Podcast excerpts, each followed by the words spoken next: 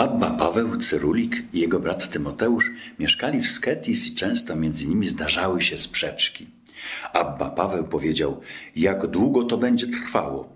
Odrzekł mu Abba Tymoteusz, uczyń mi łaskę i kiedy ja się na ciebie rozzłoszczę, znieś to spokojnie. A kiedy znowu ty rozzłościsz się na mnie, ja to spokojnie zniosę. I tak zrobili.